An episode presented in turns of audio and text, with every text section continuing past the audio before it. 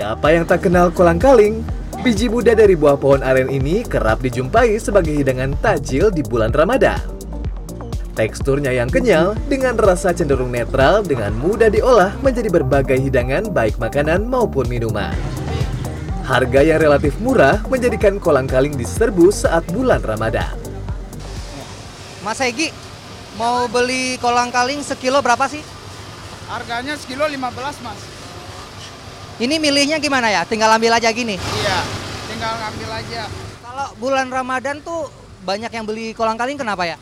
Oh, untuk sekarang sih kan di bulan Ramadan kayak buat oh itu buat Iya takjil. Nah, udah segini aja. Tak heran, kolang-kaling membawa berkah bagi pedagang. Omsetnya berapa sehari?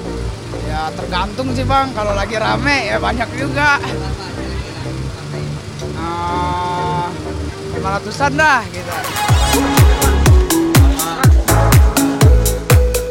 Kolang-kaling berbentuk pipih lonjong dan bergetah cenderung berlendir. Pembeli mengaku harus benar-benar memilah kolang-kaling yang baik. Saya biasa ya, satu ya warnanya ya yang masih putih, terus nggak ada matanya. Ya terus ya ini apa namanya itu nggak keras, ya gitu, iya. Bau yang lembek ya nggak bagus aja nanti kalau ini. Saya kan dagang di apa namanya di dagang manisan, manisan tiap tahun. Mengolahnya pun harus tepat sebab lendir pada kolang-kaling yang tidak dibersihkan bisa menimbulkan bau asam. Agar kolang-kaling tidak berbau asam, bilas dengan air mengalir hingga lendirnya terbuang. Bila masih menyisakan bau, rendam kolang-kaling di air bekas cucian beras selama 1 hingga 2 jam.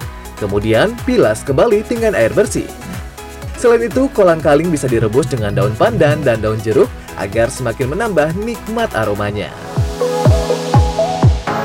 Bagi penjual tajil, menyetop kolang-kaling dilakukan untuk mempermudah produksi tanpa harus ke pasar setiap hari. Parmi salah satunya, kolang-kaling yang ia olah bisa bertahan hingga satu minggu. Nah, kolang-kalingnya udah diolah di dalam kolak. Hmm, isinya barengan berenangnya sama pisang ya, Bu ya. Ibu, ini kolang-kaling kalau ngolah itu kan nggak gampang ya. Kalau nggak salah dia bisa nimbulin bau. Cara ngilanginnya gimana sih, Bu? Cara ngilanginya direbus dulu, habis dicuci bersih, direbus air mendidih gitu, biar nggak basi, biar nggak lendir. Oh, dia kecenderungannya ada lendir gitu ya, karena kena kena air. Terus eh, teksturnya lembek atau seperti apa? Lembek, lembek kalau nggak direbus pakai air mendidih lembek, terus bau gitu. Jadi, cermatlah memilih dan mengolah kolang-kaling agar olahan kolang-kaling Anda semakin nikmat disantap saat berbuka. Tim Liputan CNN Indonesia, Jakarta.